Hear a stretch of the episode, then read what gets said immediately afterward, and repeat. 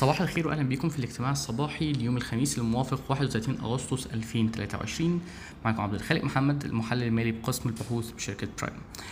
آه، بالنسبة لأخبار ال macro معانا النهارده فالحكومة المصرية أو رئاسة الوزراء وافقت على الإصدار الثاني من من صكوك الساموراي من سندات الساموراي آه، بقيمة 500 مليون دولار لمدة خمس سنوات بعد نجاح الدفعة الأولى منها.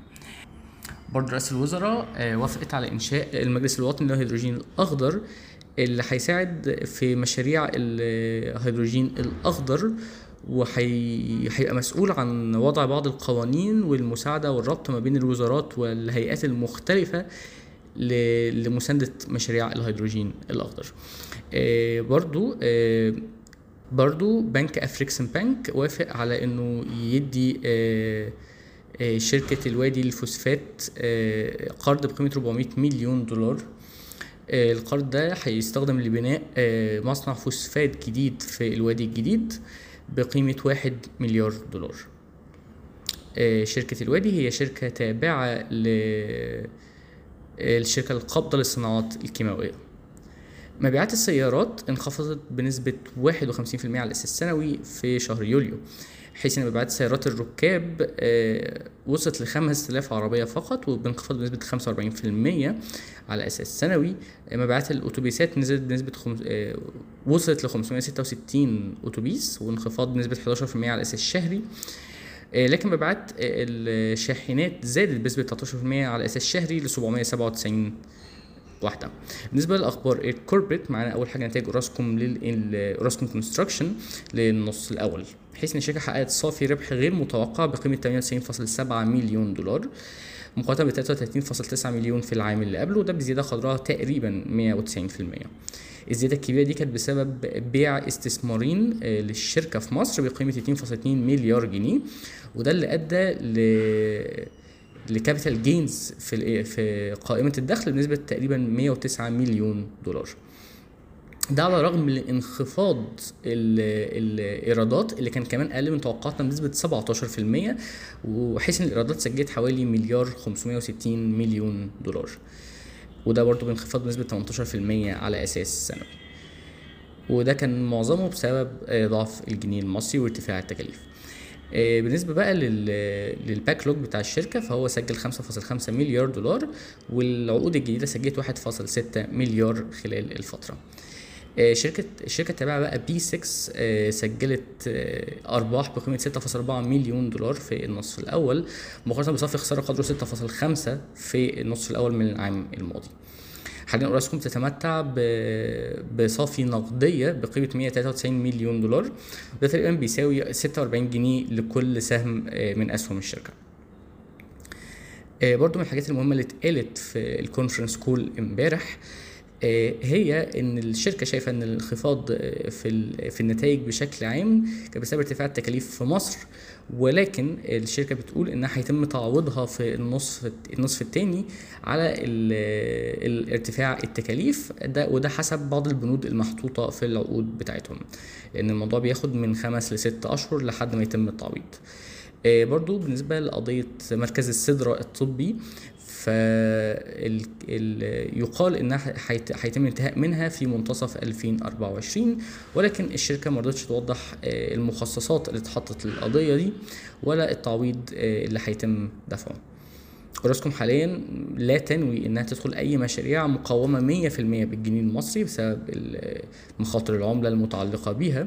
وكمان الشركة بتنوي دفع آه، آه، أرباح للمستثمرين خلال الفترة القادمة. وتحديدا كمان بعد المكاسب الكبيرة اللي حققوها من بيع الاستثمارات. وحاليا اوراسكوم تتمتع ب cash position 78% منه بالعملة الأجنبية بينما الديون بتاعتها 8.5% منها بس بالعملة الأجنبية. آه، بالنسبة لكمان المصرية الكويتية القابضة في المصرية الكويتية القابضة أعلنت إنها حت أعلنت عن بعض الاستثمارات المتبقية ل 2023 منها حفر آه، بئرين الغاز الطبيعي في شمال سيناء آه، ومصنع Nile Wood للخشب ال MDF كمان هيتم زيادة ال capacity بتاعت بتاعت محطة طاقة كهرباء. وكمان آه، هيتم شراء بعض حصص الأقلية في بعض الشركات التابعة.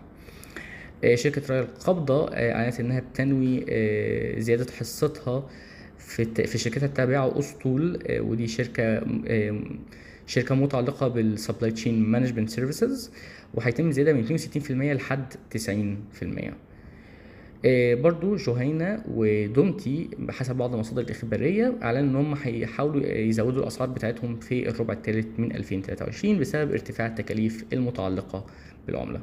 وآخر حاجة معانا معانا نتائج شركة موكو للنصف الأول وزميلتي أماني شعبان هتكلمنا عنها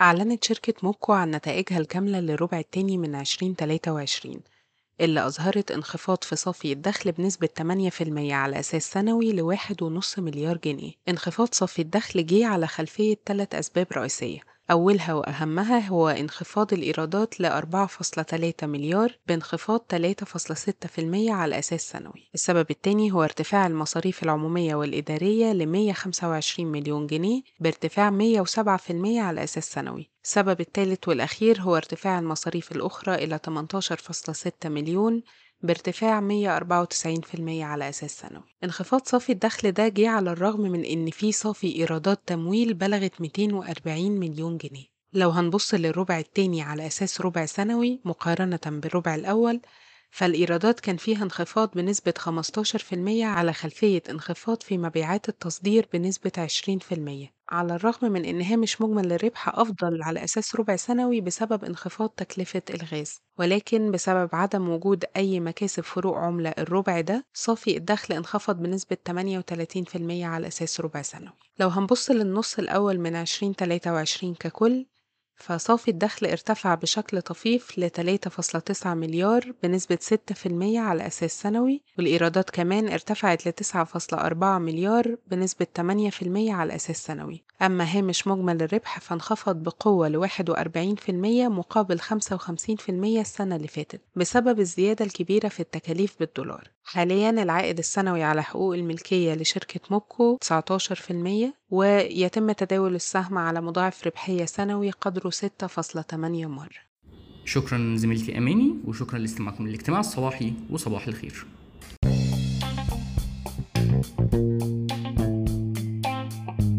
يرجى العلم أن هذا العرض هو لأغراض معرفية فقط، ولا يمكن اعتباره عرض أو توصية شراء أو بيع أو إدارة استثمارات أو خدمات استشارية. ينصح باستشارة مستشارك المالي قبل اتخاذ أي قرار استثماري، علماً بأن الأداء التاريخي ليس مؤشراً يعتمد عليه لتحديد الأداء في المستقبل.